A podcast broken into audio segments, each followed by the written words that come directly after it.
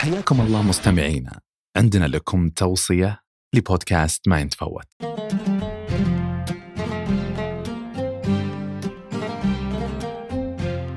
11 مارس يوافق موافقة الملك عبد العزيز على ما قرره مجلس الشورى بخصوص مقاسات العلم السعودي وكذلك قبول تبادل مع الدول ذات العلاقة.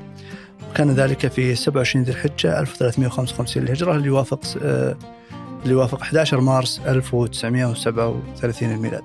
استمتعوا بحلقات بودكاست 1949 عبر تطبيق البودكاست المفضل أو على اليوتيوب وتلقون الروابط في خانة الوصف.